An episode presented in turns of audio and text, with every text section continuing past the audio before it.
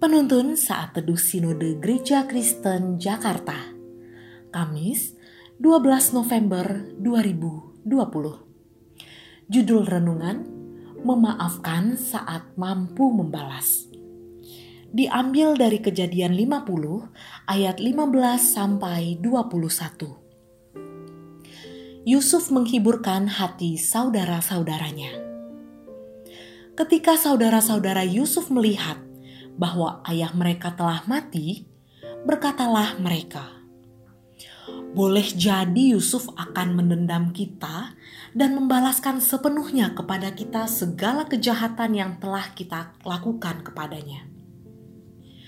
Sebab itu, mereka menyuruh menyampaikan pesan ini kepada Yusuf sebelum ayahmu mati, ia telah berpesan, "Beginilah harus kamu katakan kepada Yusuf: Ampunilah kiranya kesalahan saudara-saudaramu dan dosa mereka, sebab mereka telah berbuat jahat kepadamu. Maka sekarang, ampunilah kiranya kesalahan yang dibuat hamba-hamba Allah ayahmu." Lalu menangislah Yusuf ketika orang berkata demikian kepadanya. Juga saudara-saudaranya datang sendiri dan sujud di depannya serta berkata, "Kami datang untuk menjadi budakmu." Tetapi Yusuf berkata kepada mereka, "Janganlah takut, sebab aku inikah pengganti Allah? Memang kamu telah mereka-rekakan yang jahat terhadap aku." tetapi Allah telah mereka-rekakannya untuk kebaikan dengan maksud melakukan seperti yang terjadi sekarang ini, yakni memelihara hidup suatu bangsa yang besar. Ada seorang miskin yang tinggal di sebuah gubuk tua. Ia dikucilkan oleh para tetangganya yang dekat tinggal di sekitarnya. Tetangganya selalu menghina dirinya bahkan tega mengusir dirinya dari lingkungannya, sehingga ia harus meninggalkan gubuk tua itu dan ia berjuang untuk hidup di jalanan.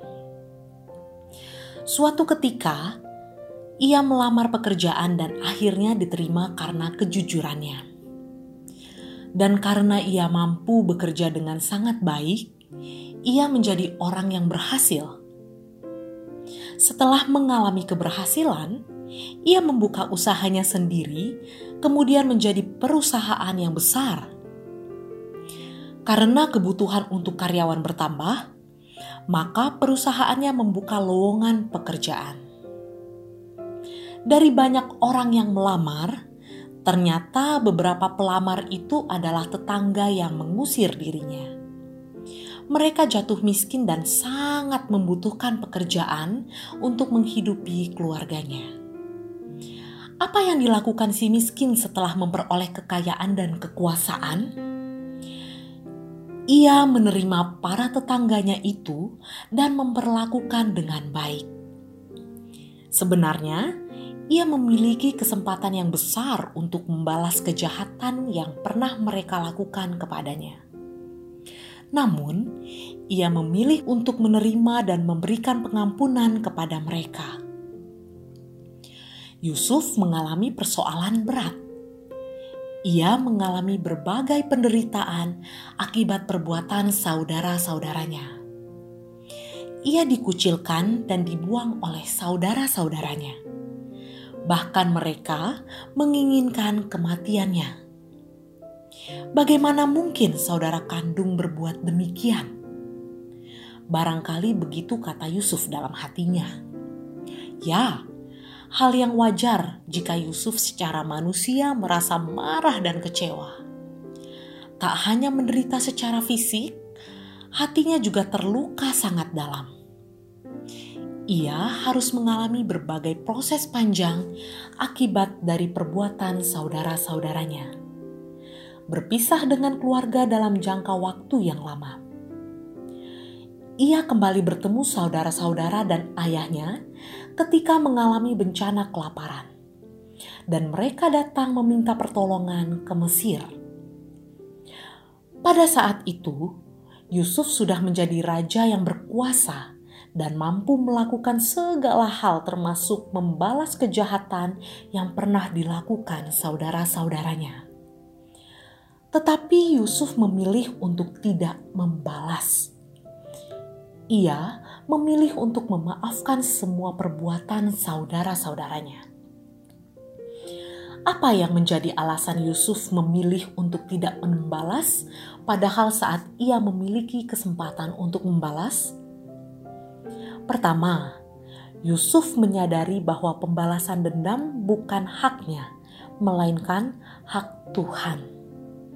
Tuhan yang penuh kasih dan adil. Kedua, Yusuf menyadari belas kasih Tuhan yang telah terlebih dahulu mengampuni dirinya sebagai manusia berdosa, maka tidak ada alasan untuk tidak mengampuni. Ketiga, Yusuf memilih menjadi pembawa damai atau peacemaker. Keempat, Yusuf takut akan Tuhan. Yusuf berusaha hidup kudus dan berkenan di hadapan Tuhan. Kelima, Yusuf taat pada kehendak Tuhan.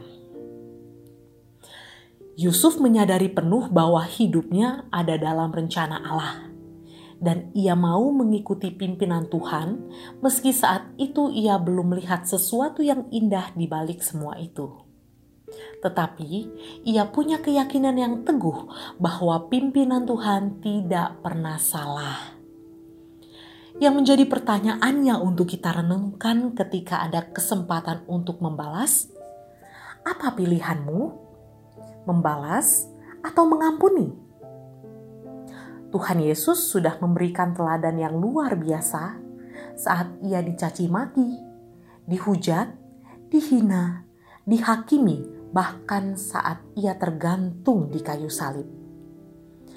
Ia adalah Allah berkuasa yang mampu untuk membalas mereka yang sudah mengkhianati, melarikan diri dari perintah dan kehendak Bapa, tetapi ia tidak memakai kemahakuasaannya untuk membalas.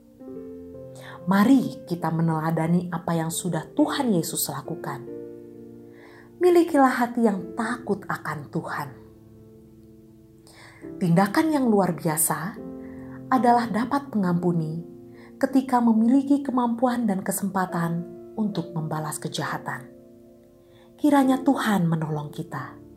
Tuhan Yesus memberkati.